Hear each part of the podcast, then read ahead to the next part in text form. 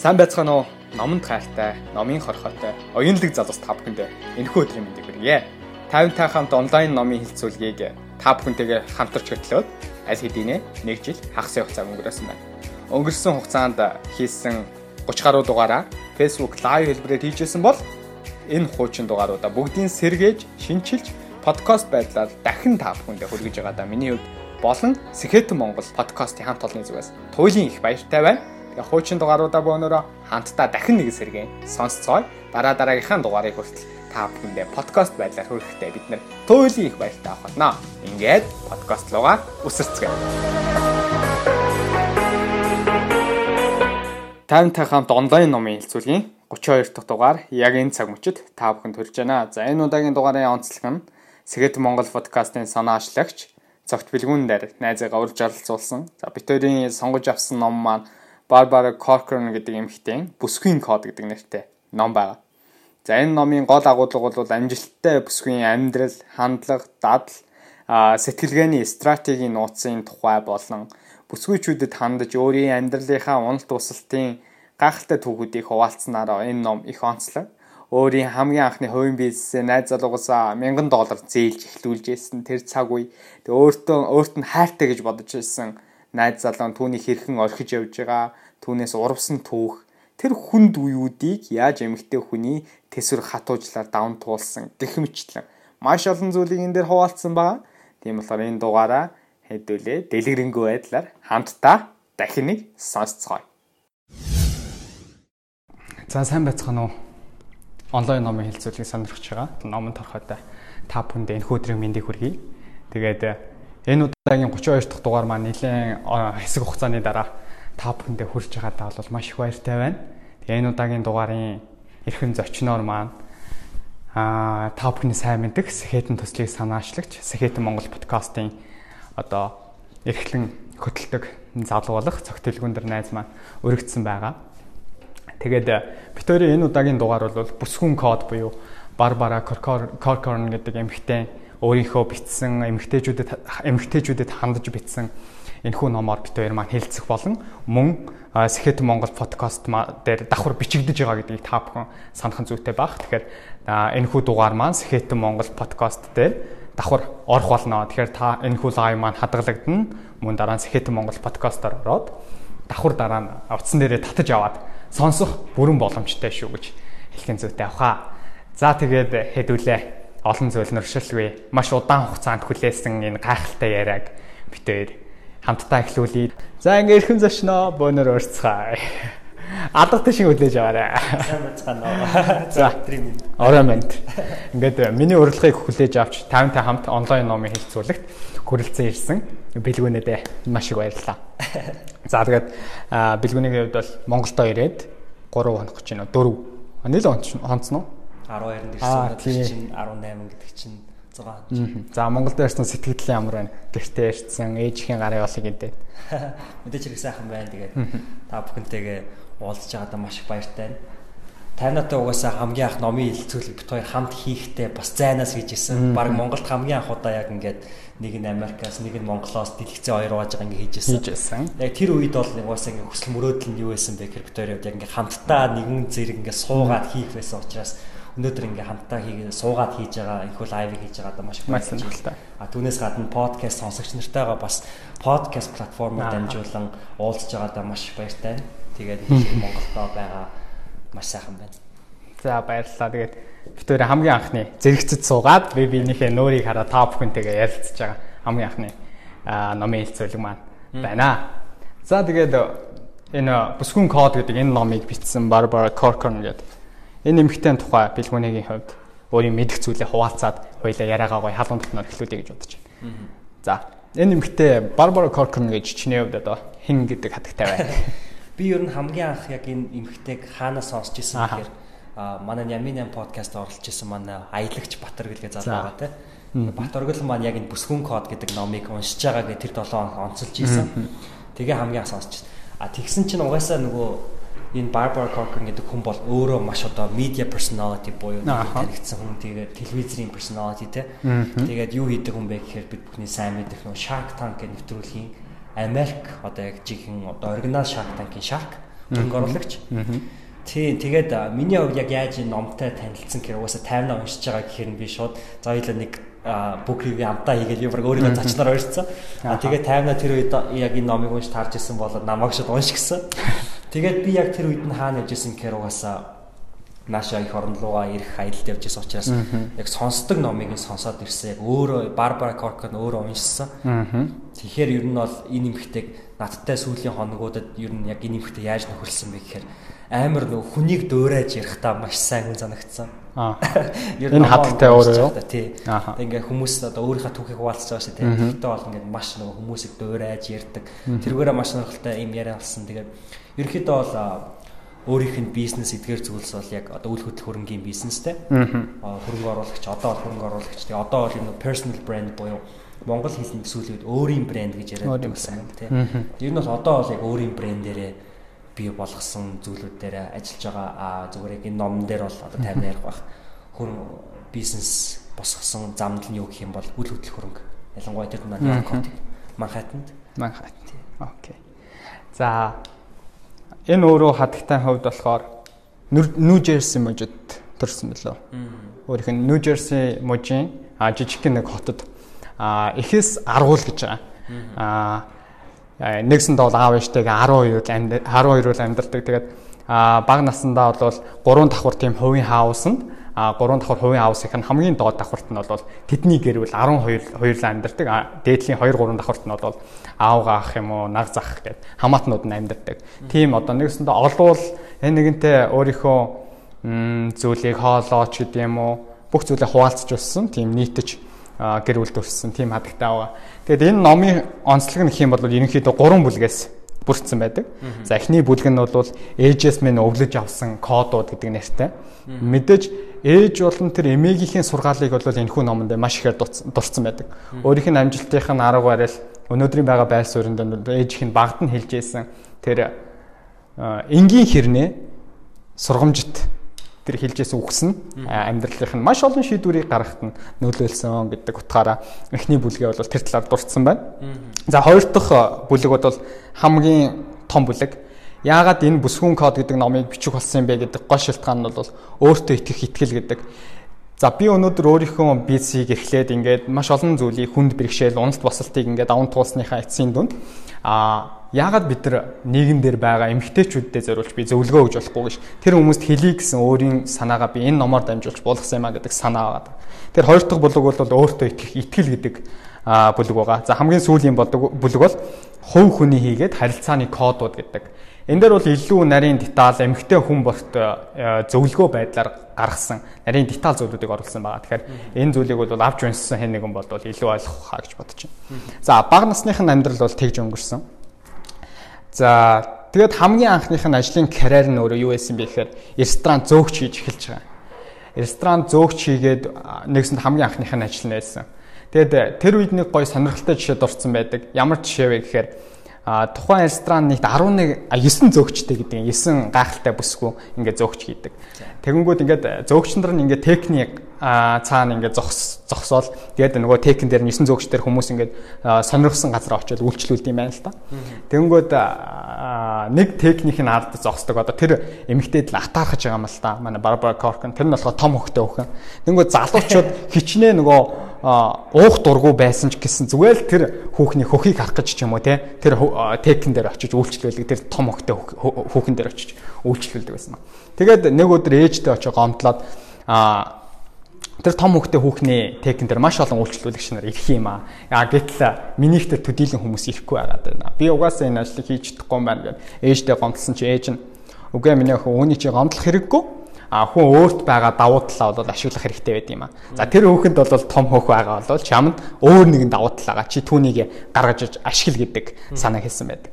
Тэр нь юу вэ гэхээр чи бол хэний ч зарим хиндэж байхгүй тийм нэг жоохон хүүхчиг төрхтэй, ээлдэг зантай тийм нэг гинэн гинэн хонгор төрхтэй гэж ярьдаг. Тийм төрх бол чамд байгаа. Чи түүнийг ашиглал. Үсээ маш гоёор боо, жоохон хүүхч үсээ боо гэж. Тэгээд анх ээжийнхэн тэр бэлгэлсэн бэлгэлсэн юм ээжийнх нь өгсөн үсний болтоод үсээ боогоод өөрийнхөө ажил дээр очисон байдаг юм байл л. Тэгээд тэгсэн чинь тэр өдрөөс хойш нөгөө үйлчлүүлэгчдийн тоон бол эрс нэмэгдсэн. Тэгэхээр хүн үргэлж өөртөө гомдлоод байх биш хүнд ямар нэгэн давуу тал үргэлж байгаа. А тэр давуу талаа нөгөө бэлгүүнийг хэлдэг шүү дээ. Өөрт байгаа сул талаа нуугаад а давуу талаа илүү хөгжүүлснээрээ магадгүй хүмүүс илүү хурдастай амжилтууд явах боломжтой юм аа гэдэг санааг бол энэ бүлгэрээ нээсэн байдаг. Тэгээд а хамгийн анхныхаа найз залуутайгаа ч гэсэндээ яг энэ ресторанда танилцсан байдаг аахгүй. Яа, тэгээд хамгийн анхны найз залуу нь болохоор Саймон гэж залуу байгаа тий. Raymond Simon гэдэг. За тэгээд найз залуутайгаа танилцсан. Өөрөөс нь 10 насаар ах залуу. Тэгээд анх найз залууга ээжтэйгээ танилцуулсан байгаа юм л да. Тэгсэн чи ээж нь бол анхандаа угаасаа дург байсан. Өөр чамаас нэлийн ах э, залуу бай тий. Тэгээ энэ залуу бол чамд бол хань бол чадахгүй үгүй юу гэдэг ээж нь дург байсан. Гэхдээ түүнийг тоогоогүй. Тэгээ тухайн үед найз залуутайгаа танилцаа найз залуу нь бол нэлээд бас бизнес эрхэлдэг чадварлаг амжилттай явж ирсэн залуу байсан. Тэгээ найз залуу нь хамгийн анхны саналыг тавьсан. Ямар санал тавьсан бэ гэхээр Нью Жерси гэдэг энэ мужийн жижиг хотод бол чи одоо амьдрах хэрэггүй тий. Хамтдаа хоёудаа Нью Йорк явъя. Нью Йоркод очиж ажил амьдралынхаа карьерийг үргэлжлүүлье гэдэг саналыг найз залуу тавьж ирсэн хамгийн анхны найз залуу. Тэгэл найз залуухаа саналыг хүлээж аваад татгал заагүй ээжтэй ч хэлсэн. Би өөрийнхөө шийдвэрийг гаргасан гэдэг. Тэгэл хувцсан аваад, чимдаамаа аваад найз залуугаа дагаал Нью-Йоркд очиж байгаа тухай энэ энэхүү номны ихэнд өгүүлсэн байдаг. За Нью-Йоркд очисон. Тэгээ Нью-Йоркд очингуудаа өөрт нь 100 доллар лөө. Яг л боо 100 доллартай л Нью-Йоркд очижсэн тох өгүүлдэг. Тэгээд 100 доллараароо нэг ботинг өндөр өсгийтэй гутал тэгээ нэг хилэн одоо юпг гэх юм уу хилэн юпг тэгээд нэг ягаан гэж цамц гэдэг ийм гурван зүйлийг өөрөө 100 доллараар авсан байдаг. Тэгэд яг өөрөө ажилтаа орлоготой болтол нөгөө л хэдэн хувцас өмсөж ажилдаа явдаг байсан. Тэгээд мэдээж Нью-Йоркд амьдрах байр бол түүний хувьд бол хамгийн том асуудал болсон. Мэдээж найз залуугаас ямар нэгэн санхүүгийн хувьд хараат байхгүй тулд би дааж хөрөнгө мөнгө босгох те би дааж өөрийнхөө амьдралыг авч явах те хатуу байр суурьтай байсан. Тэгээд нэг жижигхэн гурван эмэгтэйтэй билүү байр түрээслээ те амьдралаа эхлүүлж байсан. Нью-Йоркт амьдралаа эхлүүлж байсан гэж энэ номонд өгүүлдэг. Тэгээд тэр компани ямар компаниас нь тухай бэлгүүний бас илүү мэдээлэл тавтай. Хамгийн анхны тэр үйл хөдлөх хөрөнгийн зах зээл ажиллаж байгаа компани ямар туршлага хуримтуулсан, ямар компанид ажиллаж ажлын гараа эхэлсэн гэдэг талаар миний найз илүү дэлгэрэнгүй мэдээлэл өгүүлзүүтэй байна. За бид энэ ярианыхаа өмнө таймтай ярилцчихсан аахгүй. Бит хоёрын хувьд бол ингээд нэлээд ярих юм аяг бас энэ номонд хандуулж байгаа одоо яг анхаарал нь бол айгүй ондоо. Би жишээ нь одоо ингээ 50-аагийн ингээ яриаг түрүү ингээ сонсох юм бол маш сайн деталуудад нарийн одоо ачаал бодсон байгаа байхгүй. Одоо жишээ нь ямар өнгийн хувцас авсан ингээ доллартай ирсэн мэдчихлээ. А би яг энэ одоо чаптераас буюу энэ бүлгээс юу хамгийн сайн санаж байна гэхээр уусаа яг миний сонссон энэ номны нэр нь болохоор хэрвээ та том мемгүй бол аа өөрийнхөө одоо үснээс одоо байнтаг зөв гэсэн ийм л одоо нэртэй те. Яг нь хошгиосон байдлаар байна. Тэгээд яг энэ бүлэг нь юуг ярьж эхэлдэг вэ гэхээр яг таныг маань түрүүн хэлсэн тэр хүний хувьд л нөгөө амар сайхан ааштай байж чаддаг. Тэгээ маш сайхан ааштай байж хүмүүсийг ингэж хүлээж авч угтахтаа их одоо боломжийн учраас гэдэг юм уу те а ер нь бол тэр одоо өөрийнхөө чадвар дээр бол маш өндөр одоо анхаарлыг бол өгч исэн. Одоо өөрөөр хэлбэл тэрэн дээр л хамаг одоо чадруудаа өгч исэн гэх юм уу? Хамаг хачаал бүтлэг өгч исэн. Тэгээ Chifuni Brothers гэх компанид бол хамгийн анхайг одоо Chifuni Brothers тий а карьерийнхаа гараа эхлүүлжсэн гэх юм уу? Тэгээ угаасаа яг би нөгөө хэлсэн шүү дээ хүнийг дуурайж ярих амар дуртай гэл. Яг тэрэн дээр болохоор ингээ өөрийнхөө одоо өмнө залуу байхдаа яаж ярьдаг байсан аа одоо дуурайж ярьж байгаа. Good morning this is Chifuni Brothers гэл ингээл амар тийм гоё нарийнхан хоолоогоор те. Гэтэ ингээл амар гоё ингээл сонсоол хүн ингээ ирчвэж авмаар тийм гоё хоолоогоор ингээ ярьдаг. Ерөнхийдөө бол тэр компанид ороод а яг тэгэж одоо reception гэх юм уу да. Ер нь бол хүнтэй байнгын гэж уцаа дуудлага хийдэг. Дуудлага хийдэг. Ажлаас ер нь бол хамгийн анхны гараагаа эхлүүлж исэн. А тэгээд тэр найз залуугийнх нь одоо тэр тухайн одоо эмэгтэйд хөрөнгө оруулсан ч гэдэг юм уу тусалсан гэдэг юм уу 1000 доллар байсан тий. Тэр 1000 доллар бас нэлийн одоо карьерийнх нь эхлэх гэх юм уу да. А тэр 1000 доллар нь болохоор өнөөдрийн одоо бидний мөнгөтэй харьцуулах юм бол инфляци тэрийг тооцох юм бол нэг 6000 орчим доллар. Одоогийн хашаар. Одоогийн хашаар. Яг тийм хүү юунаас л гарааны одоо яг өөрийнхөө карьерийг бол эхлүүлж исэн юм байлээ. Аа энэ дээр нөгөө энэ компанид үл хөдлөх хөрөнгийнхөө энэ компанид ажиллаж байхдаа бас хамгийн анхны нөгөө орлого нь их э, сэтгэл татдаг тий. Тэр нь болохоор нөгөө 11 ширхэг байрыг борлуулсан. Тэгээ нөгөө 11 ширхэг байрыг а энэ Jifuni Brothers гэдэг компани болохоор өөрсдөө үйл хөдлөх хөрөнгө эзэмшдэг. Тэгээд өөрийнхөө үйл хөдлөх хөрөнгө эзэмшдэг болохоор түрээслүүлдэг. Ийм үйлчлэг явуулдаг компаниас. Тэгээд 11 байрыг түрээслэгчийг олоод өөрт нь орж байгаа цэвэр ашиг нь болохоор хамгийн анхны орлого нь л гэж байгаа юм л та 340 доллар. Тэгээ нөгөө 340 доллараа бол би хамгийн анхны орлого болохоор энийг бол би өөртөө л зарцуулна гэж бодоод шийдсэн байсан. Тэгээд а нөгөө 340 доллараар Манхэттны брендинг гудамжаар яваад 319 доллараар болтой болтой авч ирсэн гэдэг. Тэр нь болохоор а Нью-Йоркт бол 10 сарын 17 болцсон. Аль хэдийн Нью-Йоркийн нэг хүүтэн өвлийн жиндүүхөө өвөл бол эхэлсэн. Тийм цаг үе байсан болохоор өөртөө бол хамгийн анхны одоо үнэтэй брендийн полтой авч байгаа юм. Үүндээ бол үнэтэй брендийн полтой аваад нөгөө чамин ганган тансаг харагдахтаа гол нь биш. Зүгээр л би өөрийнхөө амжилтыг илүү сайшааж байгаа тийм. Би амжилттай явж гин гэдгээл өөртөө мэдрүүлэх үүднээс би тийм үнэтэй брендийн хувцас авч юмсан юм а гэж. Тэр ч утгаараа түүнээс хойш тэр Манхэттны брендний гудамжнаас өөр төрлийн одоо нэгсэндээ доогуур төрлийн хувцас бол огтхон ч юмсаагүй. Дандаа брендийн хувцсаар одоо хүртэл хувцлаар ирсэн. Энэ нь бол нөгөө амжилтын улам илүү би хөдөлмөрлөх ястай юм шүү. Би улам илүү өрчөчтэй. Үүнээс илүү би хийж чадах юм шүү гэдэг урам зориг бас өгдөг өдөөж өгдөг нэг их зүйл байсан байна л да. Тэгэхээр их сонирхолтой санагдчих. Тэрэн дээр бас нэг нэмээд хэлэх зүйл нь юу гэхээр бас нэг талаас өөрийгөө урамшуулсан боловч а нөгөө талаас бол тэрийг одоо хэрэглүүр байдлаар хэрэгэлсэн гэж байна. Тэр нөгөө байраа ингээд зарахтаа ингээд бүх одоо ингээд Нью-Йорк хотод зарж байгаа нэг өрөө байруудыг судалгаа хийсэн гэ тэ. Тэгээ ингээд судалгаа хийжсэн чинь ингээд ихэнх байрууд нь ингээд ер нь бол ойролцоо ингээд үнэтэй тэ. А тэр өрөөнүүдэд ялагдаад байх юм нь юу гэх юм бол нэг илүү өрөөтэй нэг өрөө мөртлөө нэг дэн гэдэг ингээд цонхгүй нэг юм илүү өрөө байдаг. Тэгээ тэр илүү өрөөндөө хүмүүс одоо юу ч хийж болно шүү дээ тэ. Ер нь бол тэр одоо эзэмшигчийн эрхийн асуудал. А тэгээд хин барбар болохоор тэр нэг өрөөг аваад баартардад нь шүү дээ тий. Ингээд нэг юм хан босгоод дээн болгоод тэгээд дээнтэй болгосныхаа яг адилхан нэг өрөө байртай ингээд зарцсан. А тэгээ нөгөө одоо Нью-Йоркийн тэр сонингууд дээр маш үнэтэй одоо зарлал авах, том зарлал авах мөнгө байхгүй. Гэтэ яг адилхан бусад юунуудтай адилхан зарлал бол тавиулсан. А тэгсэн мөртлөө нөгөө хамгийн том онцлог нь юу гэхээр адилхан бусад нэг өрөө байрууд үнэтэй мөртлөө бас дээнтэйгээд тэр нэг өрөө байрыг ингээд жижиглээд тос нэг өрөө гаргаад нэг өрөө олгоод ингэсэн ийдсэн байна. Тэгээд чиний ярьж байгаа тэр нөгөө хүрэм авсан нөгөө ээжийнх нь 2 дугаар хичээл. Аа. Тэр нь 2 дугаар хичээл нь юу гэхээр ээж нь нөгөө жоохон залуу байхдаа гэх юм уу ээж нь им гардентай байсан цэцэрлэг жижиг юм цэцэрлэгтэй. Тэгээ тэр нь бол нэг тийм амар гоё одоо цэцэрлэг байгаагүй те хүмүүс нь тоодоггүй. Тэгсэн чи ээж нэг өдөр нөгөө цэцэрлэг дээр байсан чулуунуудыг ингээд цагаан өнгийн будгаар будцсан. Тэгсэн чи ингээд хуршууд нь хоо ямар гоё юм бэ энэ төр гэлсэн. Тэгээ өнгөцгөө ингээ ямиг ингээд будгаар цагаан будгаар будахад л тэр одоо нөгөө цэцэрлэгийг нь хүлээж авч байгаа хүмүүсийн perception буюу харах үнцэг нь өөрчлөгдсөн. А тэгээд Барбара тэрнээс юу сурсан бэ гэхээр тэр хөрмийг бас яагаад авч ийм гэхээр нөгөө чиний нөгөө хэлсэн 100 доллараар авсан хувцас нь бол мэдээж хэрэг нөгөө чамин тансаг хувцас биш те. Тэрийг бас нуух хэрэгтэйсэн.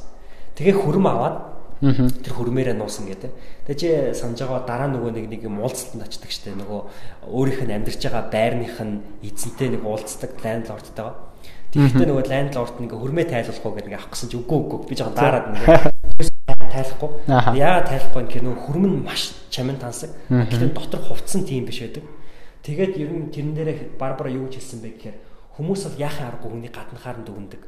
Гаднах хөнгөлөхөөр нь дүгндэг. Энэ бол одоо хатуу өнө.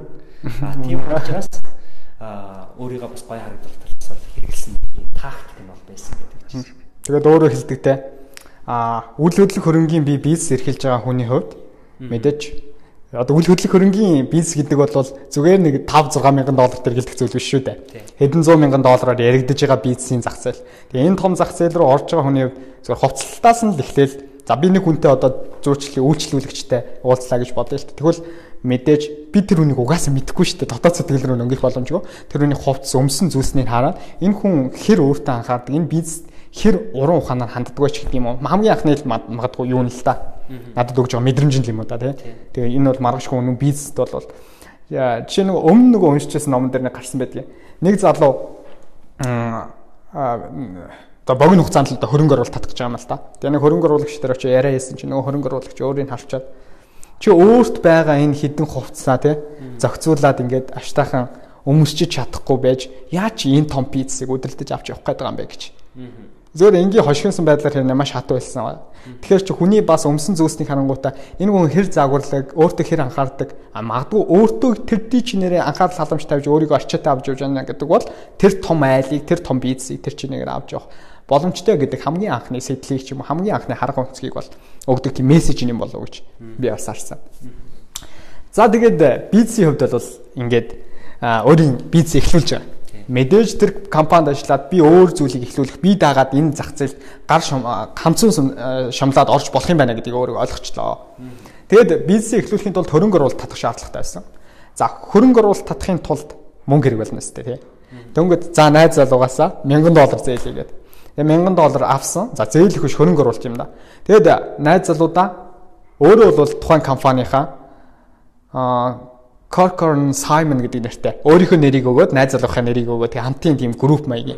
Тэгээ найз залуудаа 51% өгсөн байгаа. Манай компани 51% чи эзэмш ягаад тэгэхээр чи хөрөнгө оруулалт хийсэн учраас хувьцааны томоохон тоглогч нь бол чи.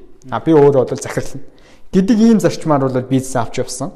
А өөрийн тухайн групп компанид 14 ширхэг брокер авсан байдаг. Тэгээ 14 ширхэг брокер нь амжилттай ажиллаж явсан. Гэтэл найз залуу нөгөө амьдраад эхэлсэн хамтдаа амьдрал өрнүүлээд эхэлсэн. Тэгэхээр чи юу харагдсан бэ гэсэн чинь найз залуу нь урд өмнө нь бол а гурван ширхэг амьдрал гурван ширхэг гинэ гурван удаа амьдрал одоо эхлүүлж ирсэн. Тэгээ бүтээгүй. Тэгээ хоёр дагвар охинтой. Тэрийг бол хожимоо мэдсэн байдаг. Тэгээд хоёр дагвар охины хүртэл өөр дээр нь иртээ. Аав дээрээ буцаад. Тэгээ хоёр дагвар охины хичээл сургуульны явуулна, хичээлийн давтуулна гэдэг одоо хойд ээжийн үүргийг Барбара Коркорн гүйцэтгэж эхэлж. Тэгээд найз залуу нь болохоор өөрөө барилгын бизнесмээ эрхэлдэг. Тэгээ барилгын бизнесмээ бизнес эрхэлдэг болохоор их оройтдаг, зарим шин үүрээр орж ирдэг. Ягаад гэхээр би барилгын бизнесээ хийлээ гэдэг үг нь тэр үний маш том шалтгаан. Тэгээд оройтож орж ирдэг бас. Тэгээд нэгэн өдөр үүрээр бүр 6 цагт орж ирээд. Тэгсэн чинь Barbara Corcoran нэг мэдээд болгосон байдаг. Тэр мэдээ нь ямар мэдээ вэ гэхээр ойлоо одоо ингэ салъя гэдэг. Салъя. Аа би Teddy билүү За мэдгүй нэг эмэгтэй нэр хэлдэг. Тэрнтэй би гэрлэнэ гэх. Тэр нь хэн байсан бэ гэсэн чинь Барбара Корконы нарийн бичих юмсэн. Тэгэхээр чи миний нарийн бичгтэй тэгвэл ингээ гэрлэхээр олчих юм уу гэх. Амар том шоконд орсон. Тэгээ тэр өдрөөс хойш бүр ажилдаа 2 хоног яваагүй, 3 хоног яваагүй чөлөө аваад сэтгэл зүйн маш том дарамтанд орсон. Үйл адил байсан. Ээжигээ дуудаал уйлаад байсан. Тэгж яад нэг найз нь гой зориг өгсөн байдаг юм байлээ. Өгөө одоо чи ажилдаа явах хэрэгтэй. Бос шүшүүрт ор. Бүхнийг ихэл. Тэгээд 3 хоног тэр хүнд үеийг давсны дараа ажлын ажил руу орчих чи хаалгаар. Тэгэл бүх брокерууд нь суугаал нөгөө нарийн бичгэн сууж байгаа. Тэгэл нарийн бичиг рүүгээ зөрсөн нарийн бичиг нь чи зүгээр юу гэж асуусан. Тэр үед үнэхээр миний дотор маш ихээр шатаж байсан боловч би ээжийн сургуулийг дагсан. Энэ олон брокерийнхаа өмнө эвгүй байдалд орохгүй тулд би маш соёлтойгоор зүгээрээ гэж хэлээд захирлынхаа өрөөнд орсон байдаг гэж. За найз залуу нь бас тэр захирлын өрөөнд цуг суудаг. Тэгээ найз залуутайгаа ээлжилтэй. За би энэ нарийн бичгтээ ажиллахгүй. Энийг цаашид хамтран ажиллах боломжгүй. Энийг хаална гэсэн.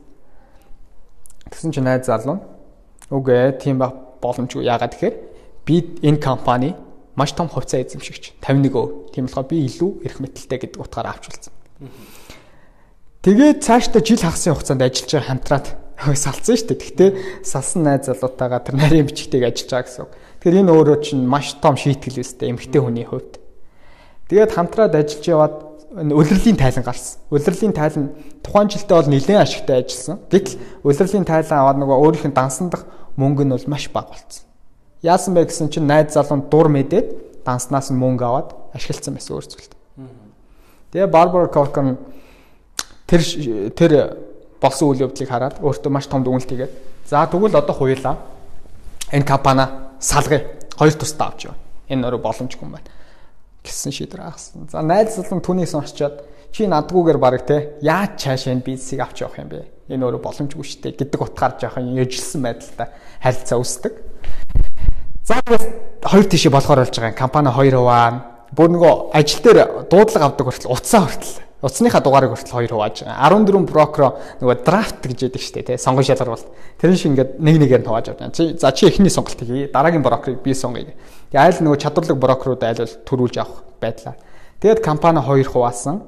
Өөрийнхөө компанийг Corcoran Group гэж нэрлсэн цаашдаа. За ингээд компани хоёроос авчлаа. Бизнес цаашаа үргэлжилсэн. Тэгээд яг энэ нэмэгтэй бол би дааж энэ үйл хөдлөх хөрөнгийн зах зээлд хүч төрөө орж ирж байгаа. За тэгээ хүч төрөн орж ирээд бизнесээ хэрхэн цаашаа авч явсан бэ гэхээр 1980 он Нью-Йоркийн үйл хөдлөх хөрөнгөний зах зээл тэр чигээр хар шуурга болсон. Тэгээд Нью-Йорк ч өөрөө үйл хөдлөлийн томхон зах зээл. Тэгэхээр Нью-Йоркийн үйл хөдлөх хөрөнгөний зах зээл өөрөө дампуураад ирэхэн ирэхээр чинь Америкийн нэгдсэн улсын үйл хөдлөх хөрөнгө тэр чигээрээ савлгаанд орж эхэлж байгаа юм л да. Тэгээ 80 онд савлгаан дунд маш олон компаниуд үүдээр барьж эхэлсэн үйл хөдлөх хөрөнгөний зах зээл. Үйл хөдлөх хөрөнгө бол унж эхэлсэн үнэн. Тэр том шуурганд нөгөө найз залуугийнх нь компани хүртэл дампуурсан байдаг. Гэхдээ үнэндээ тэр найз залуухаа дампуурсан компанийг хараад а инех биш шоолох биш. Яг тэгэхээр өөрийнх нь компани маш том асуудалд орчиж байгаа байхгүй. Тэр шуурганд бас өртөх боломжтой бол. Тэгээд 1980 оноос хойш 10 гаруй жил тэр хүнд шуургуудыг даваад бүр өөрөө хэлсэн байдаг энэ номон дээр би 2 жил ямар нэгэн ноогдол ашиг аваагүй. Гар дээр 1 долларын цалин аваагүй ажиллаж үтсэн. 2 жилийн хугацаанд. Яг тэгэхээр ажилчдаа бид нар цалингийн өгөх ёстой байсан. Компанийнхаа урсгал зардлыг нөхөх ёстой байсан компани үйл ажиллагаа явуулж байгаа юм чи маркетинг дээр бид нар мөнгө хаях шаардлага гарна. Тэр болгон урсгал зардлуудаа нөхөх тийм хэрэгцээ гарсан. За тэгэл шуургачин бүр 8 цаар 8 цаар байгаад шинэ жилийн үж 1993 оны шинэ жил байна уу 91 он байна уу. За би оны сайн мэдэхгүй. Шинэ жилийн өдөш явгууны замаар алхачихд энэ гэрлүүгээ. Тэгээд яага явгууны замаар алсан бэ? За маргааш шинэ он эхлэх гэж байна. 1 сарын 1 болох гэж байна. Гэхдээ би шинэ он эхлэхэд ажилчдаа хараад манай компани ингээ үүдэ барихад хүрлээ гэж хэлэхэд бол миний хувьд үүндээ нөгөө монгол үгээр бол яс хаталцсан гэж байсан. гэж гэдэг үгтэй зүүрлж болно. Тэгээ нэг сарын 2-ны өглөө өөртөө нэгэн шийдвэр гаргасан байдаг. Тэр нь бол нөгөө ээжийнхэн сургаал. Ер нь амжилт гэдэг маань өөрөө юу юм бэ гэхээр үнэндээ амжилт гэдэг бол 99% уналт. Нэгэн хувийн одоо тэр амьдрахын төлөө тийчгэнсэн тэр тийчгэнлийн үр дүнд амжилт ирдэг юм а гэж. Тэгэхээр эцсийн боломжоо шахсан. Ямар нэгэн боломжгүй саад бэрхшээл байгаад бол түүний цаана заавал нэг боломж байдаг. Тэр боломжийг л хайх хэрэгтэй гэж. Тэгэхээр тэр бизнес нь унаад эхэлсэн нэгсэндээ идэх хоолгүй болж гин гэсэн үг шүү дээ. Тийм хүнд үеүүдийг яаж давсан бэ гэхээр нэг сарын 2-ны өглөөр сүүлийн сумаа тавьсан. Тэр нь болохоор өөрийнх нь байнгын үйлчлүүлэгч нэгэн залуу. Тэр залуу болохоор нийт 6 блокод 88 ширхэг байр эзэмшдэг. Тэгээ нөгөө залуур утас утассан байгаа. Утас зохио. Сайн байна уу? Барбара Коркнен. А сүүлийн 3 жилийн хугацаанд таны 88 ширхэг байрыг бид нэр зарах байрнуудын тоонд оруулсан. Гэтэл нэгэнт зарагдсангүй. Одоо миний хийж чадах зүйл ийм л байна. Тийм болохоор уучлаарай гэдэг үг хэлсэн. Тэгсэн нөгөө залуу үгээ Барбара чиний би ур чадвар маш их идэгдэг. Чи яаж үнийг зохицуулмаар байна? Яг өөрөө мэдээ чи тоглолтыг хий гэдэг санаачлагыг хэлсэн байдаг. Тэгээ Барбараны э, Барбарагийн хүсчээсэн хариулт нь ярдөө тэр аахгүй. Эзнээс нь зөвшөөрөл автсан. Одоо тэр хүний хувьд өөрийн тоглолтоо хийх бүрэн боломжтой болсон. Тэгээ нөгөө 88 блоко хавтгай үн гэдэг маркетингийн арга хэлсэн байдаг. Тэр их сонирхолтой. Тэгээ нөгөө 88 байлч өөрөө 6 блокод наран талдаа, цонхон тал, наран бус талдаа, дээд давхар, доод давхар гэж янз бүрийн байрнууд байгаа шүү дээ. Тэгээ гол санаа нь юу байсан бэхээр 14 брокероо суулгачаад энэ 88 ширхгийг бүгдийг хавтгай үний аргаар зарна гэж. Нэг өрөө байрын жишээ нь 44500 доллар, хоёр өрөө байрнуудыг одоо 98000 доллар, гурван өрөө байрыг 150000 доллар ч юм уу. Бүгдийн тийм үнээр. Наран талдаа байна уу, доод давхарт байна уу, дээд давхарт байна хамаагүй. Бүгдийн нийтлүүнээр. А гэхдээ үүнийг 3-7 хоногийн дараа бид бид нар тэр худалдаа авалтыг хийнэ гэж Гэхдээ надад ямар нэгэн зар сурчлагаа явуулах огтхон ч мөнгө байхгүй. Тийм болохоор бид нар зар сурчлагаа хийхгүй гэсэн. Тэгвэл яаж хүмүүс мэдх юм бэ гэх. Энэ өөрөө PR-ын арга ашиглаж байгаа нөгөө хүмүүсийн нөгөө ам ам дэмцсаар хагаад хүмүүсийн анхаарлыг татна гэдэг шүү дээ. Тийм аргыг ашигласан. Тэгэл 3-7 хоногийн дараа 88 ширхэг байрыг худалдаа авах тийм зах зээл одоо тухайн өдөр нэгж байгаа гэж. Тэгэл яг тухайн өдөр ажил дээр ирсэн Ирэхэд тэр ажлынх нь бүр үүдээр нь маш олон хүн очролцсон байсан. Нөгөө 88 байрыг авах гэдэг. Аль хэдийн нөгөө PR маркетинг бүх зүйл нэрэгчсэн. Тэгээ нөгөө 88 хүн байрыг ямар аргаар зарсан бэ гэхээр та хэрвээ байраа ингэ сонгоо те дараа нь урьдчилгаагаа өгж байгаа штэ. Шууд тухайн өдрөө урьдчилгаагаа төлөөд хажууд нь банк банк банкны мэрэгжилтэн ус сууж байгаа. Та моргежийн зээлээ хийгээд байраа худалдаа авах бүх процессыг нэг дор төвлөрүүлсэн. Хэрвээ та байраа буцаах гэж бол 14 хоногийн дотор урьдчилгаагаа буцааж аваад байраа буцаах боломжтой гэдэг нөхцөлийг өгч байгаа. Тэгэхээр маш том давуу тал. Тэгэд энэ маркетингийн арга хэрэгэлсэн өглөө нь шахуу дампуурч гэсэн компани оройн 88 ширхэг байрыг зарсан гэрээ бичигтэйгээ банкны бүх чекүүдтэй урьдчилгаа чекүүдтэйгээ ингээ атгацсан сууж байсан. Тэр өдөр бол 2 сая долларын ашиг хийсэн байдаг юм байлээ. Тэр 88 байрыг зараад. Тэгээ чинь тухайн үед одоогийн ханшаар үржүүлэл бол маш их мөнгө штэ тий. Тэгээд компани бол эргүүлж хөл дээр нь босгосон. Ийм гой сонирхолтой бас түүх байдаг юм байлээ. За тэгээд одоо тэгээд бэлгүүнийг явд энэ цалт би одоо ямар удаач. Энд одоо нэмж хэлэх өөр гой энэ номдоо сонирхолтой. Энэ хүчрхэг бүсгүй бодит амьдралын түүхтэй суулцвал тэр сүүлд ярьж байгаа 88 байг байсан. Тэгээд тэрэн дээр хамгийн онцлогтой зүйл нь юу гэхээр угаасаа ингээд маш олон хүмүүс цугларцсан. Тэр хүмүүсийн бүр ингээд Парисаас ч юм уу те дэлхийн эндээс ирсэн хүмүүс хүртэл байсан гэж байгаа юм. Тэгээд зарим ингээд амар сэви хүмүүс нь ингээд нөхөр мөхөртэйг ингээ хоёр өөр тишээгээ гүгээл уц муцаар яриа. За байраа олсон, байраа олсон, байраа олчлаа авъя гэл шууд ингээ ягаал маш богино хугацаанд юмтэй байрнууд зар дуусгасан гэх. Тэгээд зөвөр энээс Барбара Коркн яг энэ түүхээс нь зөвөр юуг харагдаж байна гэхээр мэдээж хэрэг маркетингийн маш одоо зөв аргыг бол хэрэгэлсэн те. Ерөөсө мөнгөгүй ч гэсэндээ маш одоо гайхалтай хүлээлтийг үүсгэсэн. А тэгээ нөгөө Нью-Йорк хотод бүх байрууд нь ямар одоо далай руу харсан байна уу, юу руу харсан байна хамаагүй адилхан үнэтэй гэж яригдах юм бол дэлхийн даяар байгаа хүмүүстэй яалтчих бүр амар анхаарал шуурна шүү дээ. Тэгэхээр энэ бол энд бол ерөөс юу одоо нэг тийм э, түүхтэйггүй маркетинг та. Тэгээ энэ бол маркетингийн амар том амжилт гэдэг жийсэн. А бас нэг амар чухал зүйл нь зөвөр энэс яхад бол а ерөөсөө одоо маш юм уналтанд орж исэн мөртлөө хизээж би чадахгүй нэ гэж ерөөсөө бодож байгаагүй. Тэгээ яагаад хизээж би чадахгүй нэ гэж ерөөсөө бодож байгаагүй гэдгийг нь суулгасан хүн хин бэ гэхээр ерөөсөө ээжнээс.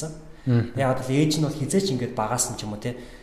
Чи юус энийг хийж чадахгүй баар бара бойл наатгаа гэдэг юм уу гэдэг хандлагаар тэр 10% хүүхдүүдийнхаа нэгэнд ч тэгж хэлж байгаагүй. Харин ч эсрэгээр одоо юу гэдгийг би одоо барбараг ээж нэг хүүхдээсэн бол те одоо юу гэдгийг би ирээдүйд кино жүжигчин болно гэдээ ээжтэй хэлэх юм бол тэр ээж нь ингээд байнга ингээд чамайг одоо кино жүжигчин болоход хэрэгтэй юм юу байна Тэ өдрөөнийхөө өмнө гараад жүжиглч гэдэг юм уу те. Ийм хүмүүдийг одоо барбараар хийлгүүлдэг гэсэн гэж аахгүй. Барбар бол өөрөө жүжигчин болохыг хүсдэг байсан. Тэ энтертейнер болохыг хүсдэг байсан гэдэг. А тэгэхээр бол ээжийнхэн тэр сургаал бол амар одоо маш өрнөлөөтэй байсан. Өрнөлөөтэй байсан.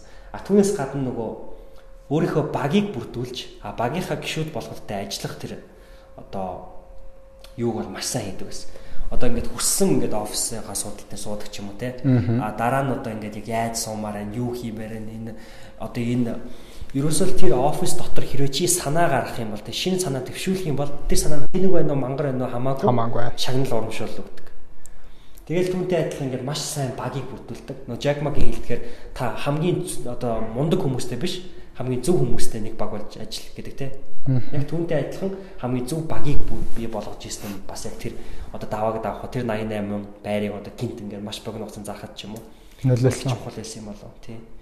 Тэгээ Барбарагийн бас нэг өндөр одоо өөрийнхөө компаниг цааш нь дараа нь сурталчилсан дараа нь бас PR хийсэн зүйлүүд гэх юм бол ер нь маш ухаалаг PR хийдэг байсан хүн гэх юм уу да. Тэгээ нөгөө Barbara Corcoran Report гэх компани нээжсэн.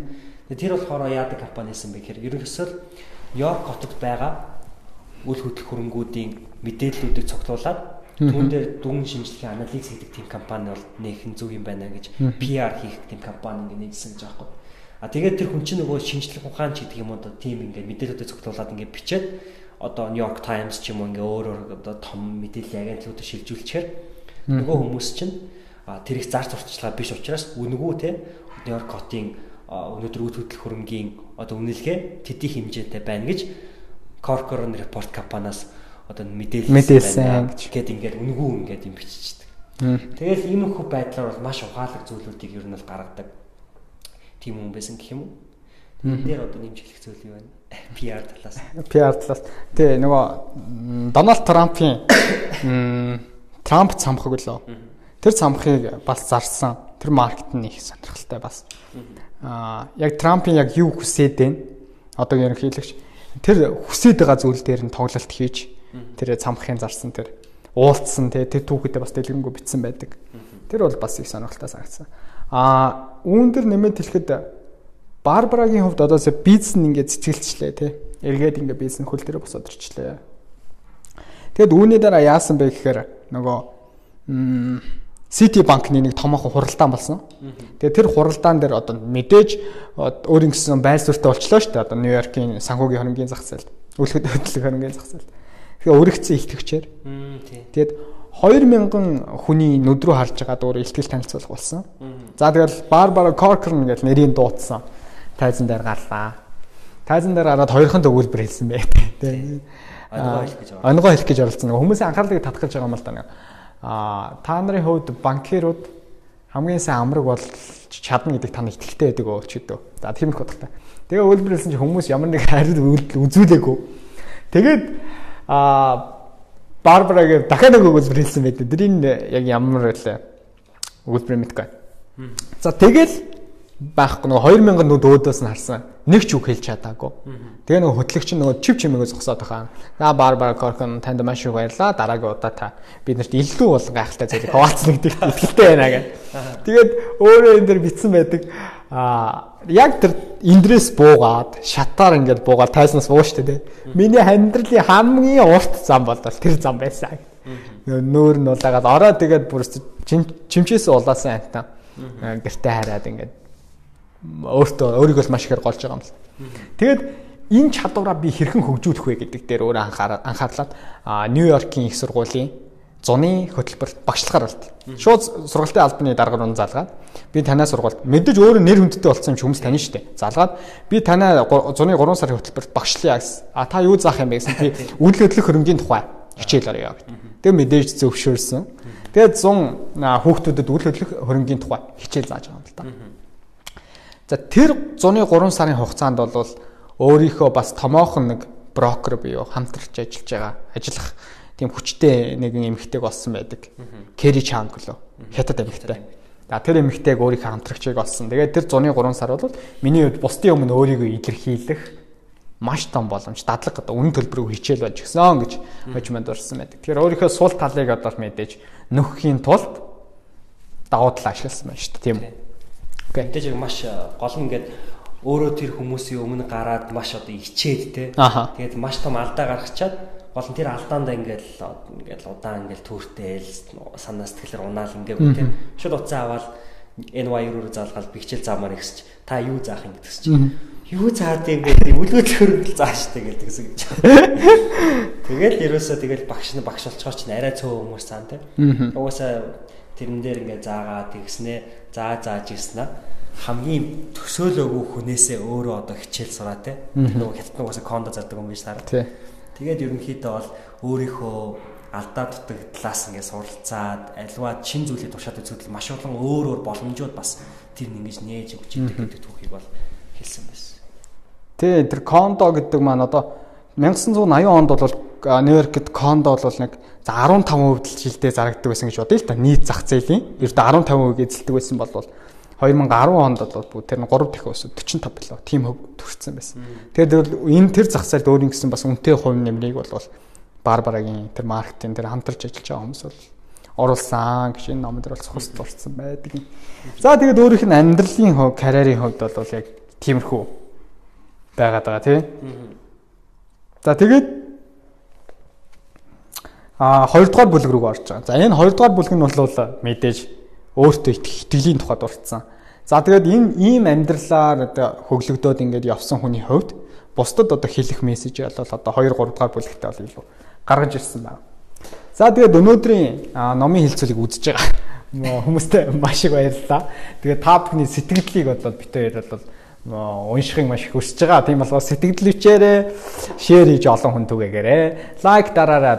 Юу хүссэн мөгдийгээ хийгээрэй гэж та бид хоёрыг дэмжээрэй. Лайк дарж шеэр хийж дэмжээрэй. За хоёр мөн адилхан Secret Монгол подкаст дээр давхар бичиж байгаа. Тэгэхээр тун удахгүй подкаст байдлаар орноо. Тэгэхээр та бүхэн энэ удаа бүрэн сонсч амжаагүй бол дараа нь өөрийнхөө гар утсан дээр татаж аваад сонсох бүрэн боломжтой шүү. Тэгэд өнөөдрийн дугаар маань 32 дахь дугаар маань хэсэг нэлээд удажсны хугацааны дараа найзыгаа эрэхт нь ураад оролцуулж байна. Тэгээд бид хоёрыг өнөөдөр хамтарч дэмжиж ажиллаж байгаа SMS Center буюу Startup Marketing Space гэдэг байгаа тийм coworking space гэдэг энэ төв номын сангийн одоо Monnes гэх офис байдаг ногоо. Энэ офисын эсрэг талд байрлах бизнес tower гэж нэрлэдэг хаа. Энэ бизнес tower-ын 19 давхурт байрлаж байгаа co-working space гэдэг бидний одоо маш сайн мэдэн дээ дэлхийд одоо маш ихээр хөгжиж байгаа стартап буюу гарааны шинэ бизнесийг эрхлэхийг хүсэж байгаа хүмүүс ирж суух боломжтой. Энд бас жижигхэн гоё номын булантай. Тэгэл энд бол шинийг санаачлахыг хүссэн чадварлаг залуучууд ирээд сууцгааж जैन. Тэгээд энд бит хоёр өнөөдрийнхөө номын хэлцүүлгийг хийж जैन. Тэгээд та бүхэн энүүгээр бас ороод гараад шин санааг эрэлхээсэн залуустай бас танилцах бүрэн боломжтой юм шүү гэж хэлхэн зүйтэй байна. За одоо номынхоо 2 дугаар бүлэг рүү бит хоёр оръё. А хоёрдугаар бүлэг нь өөртөө итгэх итгэл гэж байна. За энэ бол маш сонирхолтой шүү. Яагаад гэхээр энэ дээр бол эрэгтэй эмэгтэй хүмүүсийн хувьд бол хоорондоо маш их маргах ийм асуудлууд гардаг. Гэхдээ өнөөдөр би эмэгтэй хүнийг илүү бас байр сууриас хамгаалах тал дээр илүү яриа гэж бодож байна. За эмэгтэй эрэгтэй хүн хоёрын хувьд бол ер нь бол нэг ялгаа нь бол өөртөө итгэх итгэл юм байна л да. Тэр өөртөө итгэх итгэл нь юун дээр илүү анзаардаг вэ гэхээр жишээ нь энэ дээр нэг хоёр судалгаа хийсэн байна эхний судалгаа нь болохоор Английн Манчестер хотын их сургууль гэсэн баха. Манчестер хотын их сургуульд суралцж байгаа оюутнуудаас судалгаа авч илтээ ингээ эрэгтэй эмэгтэй оюутнуудаас. За та манай сургуулийг төгсөөд жилийн хэдэн мянган долларын цалинтай ажилд орох вэ гэсэн чинь манай эрчүүд маань юу гэж хариулсан бэ гэхээр 90 хэдэн мянган доллар гэж хариулсан байна. 90 мянга, 95 мянган доллар гэдэг. Гэтэл эмэгтэйчүүд нь болохоор 45 мянган доллар гэлөө. 35 билүү. Баг 2 дахин баг хариулт хэлсэн байгаа. Гэтэл тухайн сургуулийн хамгийн шилдэг оюутан өөрөө 62 мянган доллар гэлээ. Нөгөө эрчүүдэд хүртэх хүрэх хэмжээнд өөрийгөө үнэлээгөө. Тэгэхээр ийм судалгаан дээрээс хүртэл эмэгтэй хүн нөгөө хэрхэн өөртөө итгэх итгэл нь эрчүүдээс илүү бага байдаг вэ гэдэг санаа гарч ирж байгаа. Одоо нөгөө эрчүүд чи өөрийгөө толинд харах юм бол ирээдүйн улс төрч бизнесмен гэж хардаг бодвол эмэгтэйчүүд өөрийгөө толинд харуул нөгөө л эргэлзэгч бүсгүй эргэлзсэн л бүсгүй байдаг юм л те. Энэ тал дээр чи юу гэж бодож байна? Нэрчүүдийн нэг давуу тал нь дээр өөртөө итгэх итгэл нь илүү байдаг юм уу? Тийм нэг яриа гэж. За энэ дээр би дахиад за чамаа бодож явах хугацаанд би дахиад нэг гоё судалгаа хэлээ заа. Энэ судалгаа нь юу байсан бэ гэхээр за ингээд сурагчид юу оюутнууд дундаас шалгалт авч илтээ. Та шинжлэх ухааны хэр сайн мэдэх вэ гэдэг шалгалт. За тэгсэн чинь эрчүүд болохоор за би 75% мэднэ гэдэг хариулт хэлсэн эмэгтэйчүүд бол дахиад бага 60 илүү 55 илүү би хөв мэднэ гэсэн. За тэгэд нөгөө ам байдлаар асуулга авч байгаа штэ. Хэр ихтгэлтэй вэ гэдгийг нь асууч. Тэнгүүд нь дараа нь бүгднгээс нь шалгалт авч илтээ цаасан дээр. Гэсэн чинь ээр эмгүү бүгдээрээ л 72 хувьтай байсан аахгүй шинжлэх ухааны юм. Тэгэхээр ингээ нэг жижигхэн жижигхэн за энэ бол зүгээр л энгийн хоёр судалгаа. Тэгээ маш олон судалгаанууд дээр эмэгтэйчүүд бид нар бид нар гэнэ. Эмэгтэйчүүд эмэгтэйчүүд яагаад ингэ өөртөө итгэх итгэл нь бага байдаг юм бэ гэдгийг энэ номон дээр хөндөж гаргаж ирсэн. За би чиний энэ хариултын, чиний энэ гайхалтай ярианы дараа би яг энэ энэ дээр бичсэн нэг нотлогоог нь гаргаж ирье гэж бодож байна. Окей. За. Тэгэхээр тайна бит хоёрыг яг энэ уншсан, сонссон номон дээр их ялгаа байдаг шиг байна. Аха. Тэгэхээр яг нэгдүгээр хэсэг одоо тайнагийн сая түрүүн дурдсан нэгдүгээр бүлэг бол яг миний уншсан ном бас таарадах шиг байна. Тэгээд 51 ярьж байгаа юм сонсохоор ерөөсөн миний ерөөс сонсоогүй гэдэг бол таарад байгаа. Аа. Тийм учраас бол би яг нэг судалгаа нотлохоог нь ерөөсөн сайн мэдэхгүй байна. Аа тэгээд бас нэгээр өөрийгөө бат хэлж өөрийгөө бодлыг хийж байна. За. Тэгээд би юусэн мэдэхгүй байна. За. Миний амар сэтгэл үнзгэлдэг байнгын ингээд судалдаг боддог зүйл гэх юм бол одоо өөрөөр хэлбэл би өөртөө ихтгэлтэйгээр ярьж чадах зүйл нь юу гэх юм бол өнөөдөр манай ирчүүд бид нар За амар их шахалтанд байдаг те. Яг юунд дээр шахалтаад байна? Тэгэхээр эрэгтэй хүн гэхээр одоо чанга авах хэвээр. Уйлж ялах та. Эрэгтэй хүн уйлж болохгүй. Эрэгтэй хүн өөрийгөө илэрхийлж болохгүй. Эрэгтэй хүн сул дараа байж болохгүй. Эрэгтэй хүн ер нь бол юмыг мэддэг байх хэвээр тий. А ялангуяа зарим салбаруудын зүйлүүдийг маш сайн мэддэг хэвээр. Амьдралаа авч явах хэвээр. Тий. Ялангуяа энэ барууны ертөнцид одоо эрүүл мэнд, анагаах ухаан, шинжлэх ухаан тий автомашин, техник технологи энэ бүгдийг одоо эрэгтэй хүн ер нь бол мэдчих ёстой гэсэн нэг тийм ерөнхий юм нэг юм шаардлага ч гэдэг юм уу хүлээлт байдаг те. А энэ нь болохоор эрэгтэй хүнийг ингээд маш одоо өөртөө ихтгэлтэй байх хуурамч ихтгэл ч юм уу. Одоо төрөнд дурж байгаагаар би одоо 99 мянган долларын жилийн орлоготой ажиллаж чадна ч гэдэг юм уу ийм одоо угаасаа нөгөө нийгэм нь ингээд эрэгтэй хүн гэхээр одоо маш одоо ихтгэлтэй амбицтай байх хэрэгтэй гэдэг зүйлүүд ингээд шаардаад байд юм бол гэж би чамайг ярьж байхад бодлоо л та. За.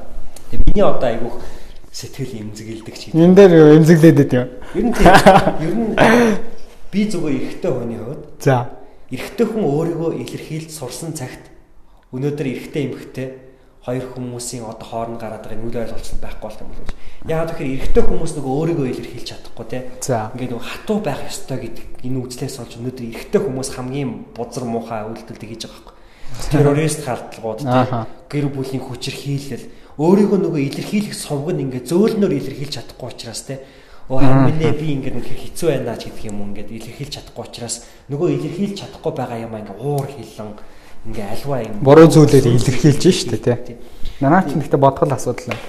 Тэгээд энэ нь одоо ингээ бүр даамжсаар агаад одоо ингээ дэлхий дээр байж байгаа хамгийн муу муха одоо хүү сургууль дээр гарч байгаа аллагуудыг хин хийж нэмэгтэй хүмүүс биш дандаа эрэгтэй хүмүүс л одоо ингээл Америкт аллага хийгээл те террорист халдлагуудыг эрэгтэй хүмүүс хийгээл. Ингээл эрэгтэй хүмүүсийн гаргаж байгаа үйлдэлүүд те а дээрэс нь одоо нөгөө одоо эмэгтэй хүнийг хүчирхийлэх Ялангуяа энэ 17 18 онд бол Холливуудын маш том том одоо хүмүүс бол яаж одоо эмгтэй жүжигчдийг хүчирхийлж исэн те яаж одоо ингээ сексийн дарамтанд оруулж исэн эдгээр зүйлүүд гарч штэ.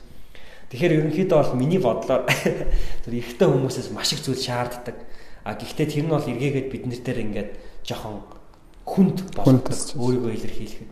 А эсэргээрээ бид нар бол одоо ингээ бүхнийг чадна, бүхнийг дийлнэ, би мундаг, би амбицлэг гэсэн ийм дүр төрхийг бий болгож өөрийгөө гадуураа ингэж хуурамч маск зүүх юм шаардлагыг тавиад идэм болов. Зөв наад чи. Энэ гой гаргаж ирж байгаа кейс гэж харж. Тэгэхгүй ер нь тийм бах магадлал нь өндөр штэ нийгэмд. За тэгвэл эсэргээрээ эмгтээчүүдийн хувьд болохоор жишээ нь одоо хэрэглээний зах зээлийн 80 гаруй хувийг бол эмгтээчүүд өөрөө хянж байна.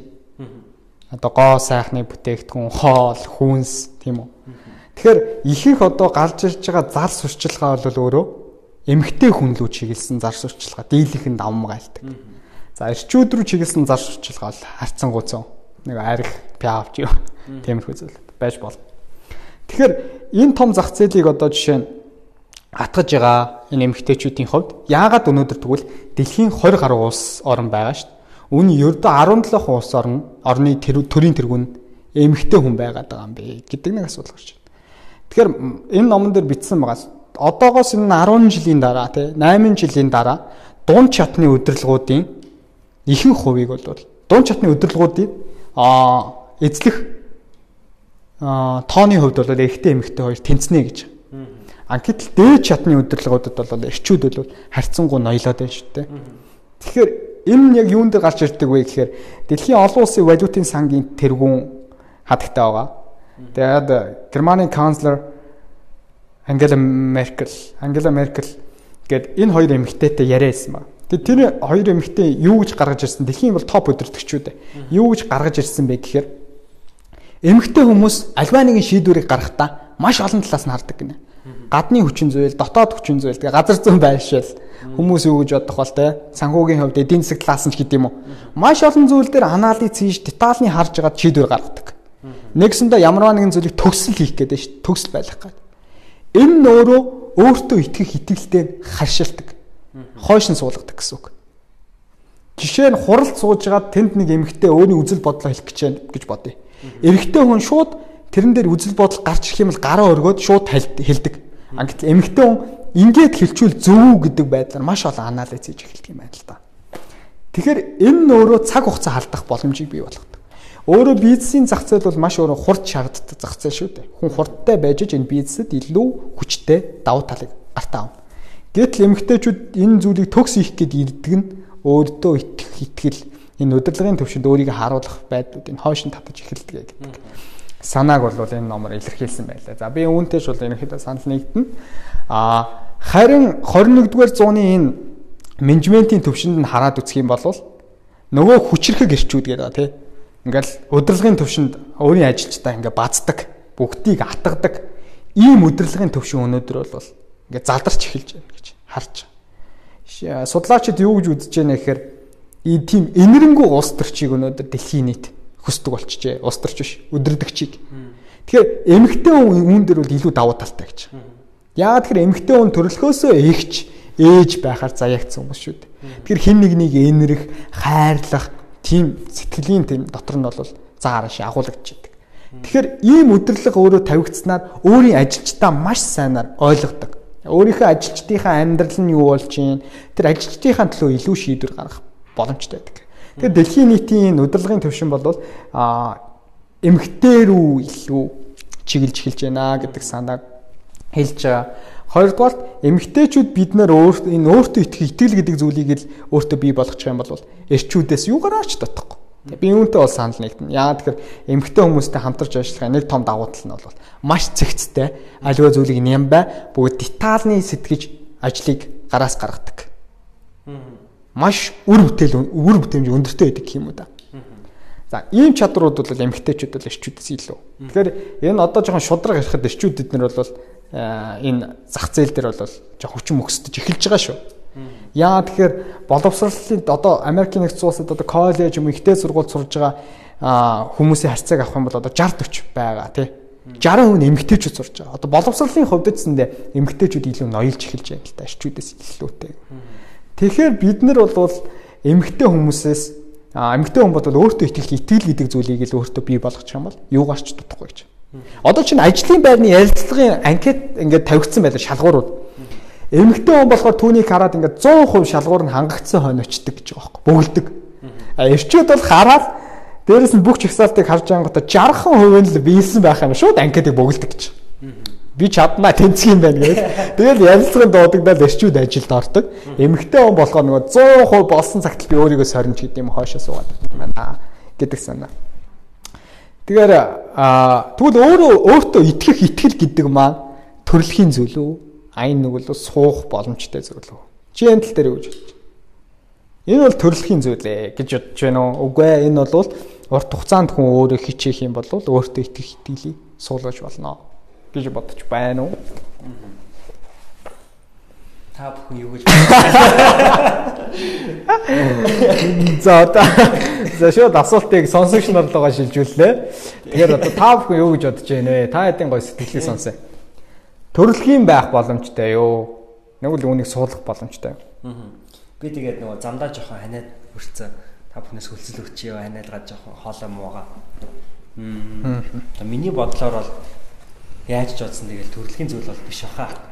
Мэдээч хэрэг маш азтай нэг хэсэг бүлэг хүмүүс байгаа байгаа төрөлхийнтэй. А түүнээс дараа болохоор нөгөө яг одоо Барбарагийн амьдралд хэн хамгийн нөлөө үзүүлсэн байна гэхээр ээж нь байгаа тийм. Ааха. Тэгэхээр ээж нь бол үргэлж нөгөө өөртөө итгэлийг нь өгч ийсэн. Тэгэхээр түүнээс харахад бол гэр бүлийн хүмүүжил айхтар чухалх. Тэгээ би ч гэсэн өмнө нөгөө подкастн дээр хэлжсэн тийм. Ерөөсө шийдвэр гаргах эрхийг бол үргэлж одоо миний ээж надад ингээ үлдээдэг байсан гэж би хараад байгаа. Тэгэхээр би бол өөртөө нэг амар итгэлтэй гэж одоо хэлэхгүй ч гэсэн тийм. Зүр яг өөрөө шийдвэр гаргах ер нь чадвартай гэдээ бүр ингээ итгэцдэг. Тэгэхээр ерөнхийдөө бол гэр бүлийн хүмүүжил амар чухал гэж хэлгээд байгаа юм да. Тэгээ нэг чимэж бас миний амар их сонсдог дуртай одоо entrepreneur нэг Gary Vaynerchuk гэдэг хүн. За баян тэгдэг баг. Би бол амар хацтай ерөөсөө I'm the luckiest guy ever гэдэг. Тэгээ яагаад гэхээр ээж нь бол өөрт нь ингэж үргэлж итгэл өгдөг гэсэн. Тэгэхээр ерөөсөө гэр бүлийн хүмүүжилтийг бол тэр ингээ үргэлж амар ярьдаг. Тэгээ өөрөөр хэлбэл та бүхнийг ч гэсэндээ бид бүхнийг л ерөнхийдөө бол гэр бүлтэй гэр бүлийнхаа орчинд хүүхдүүдтэй өөртөө итгэлийг бас бий болгох хэлж айгүйх хэлээд байт юм да. За тэгвэл ингээд гэр бүлийн орчинд гэдэг юм өөртөө итгэл өгөөгүй бол бас яах вэ гэдэг л асуудал та тий. Одоо юу гэх юм бидний насан дээр ирчээж гэдэг юм уу а нэг 20 хэд мэд хүрчээд ч гэдэг юм уу нэг тийм асуудал тулгарч байгаа. Тэгээд зөв миний өөрийн туршлага гэх юм бол Угс Америкуудыг ингээд чи ингээд төсөөлөд ингээд харах юм бол ингээд маш ингээ өөртөө ихтэй хүмүүс гэж ингээд бодогддаг те. А гэтэл яг ингээд очиод ингээд нийгэм дунд амьдрах юм бол ихэнх нь маш тийм дотгошоогоо дуугаа хүмүүс байдаг. А тэр дунд хүмүүс яагаад бас амар дуугаа байгаад байна гэхээр ерөөсөө бидний юм бүтээч гэсэн юм ертөнц өнөөдөр нийгэм бол ерөөсөө өөрийнхөө илэрхийлдэг. Яг чиний хэлж байгаагаар өөртөө ихтэй хүмүүст зориулсан ертөнц байгаа байхгүй extroverted зориулсан ертөнцтэй. Өнөөдөр хин хамгийн их одоо хожиж ийн гэх юм бол өөрийгөө илэрхийлж чаддаг энэ хүмүүс нь хожиж ийн гэх юм. Тэгэхээр зэрэг бас нэг өнцгөөс харахад бол одоо өөрийгөө илэрхийлж чадаагүй өөрийгөө өөртөө ихтэй бус байгаа хүмүүс жоохон юм сул тал байгаад байгааг ойлгох хэрэгтэй те. Аа ойлгосныхаа дараа энэ дээр маш одоо чанга шийдвэрээ гаргах хэрэгтэй болоод. Одоо би үнэхээр өөртөө ихтэй хүн болох хэрэгтэй гэсэн шийдвэрийг А тэр шийдвэрийг гаргасны дараа хүн одоо юу хийж болох вэ гэдэг бол яг барбаргийн дахиад нөгөө жишээ те. А өөрөө илтгэгч хүн биш мөртлөө илтгэгч хүн болохын тулд их сургуулийн багш болсон ч гэдэг юм. Тэгэхээр нөгөө өөрийнхөө комфорт зоноос гарах алхмуудыг авах хэрэгтэй юм болов.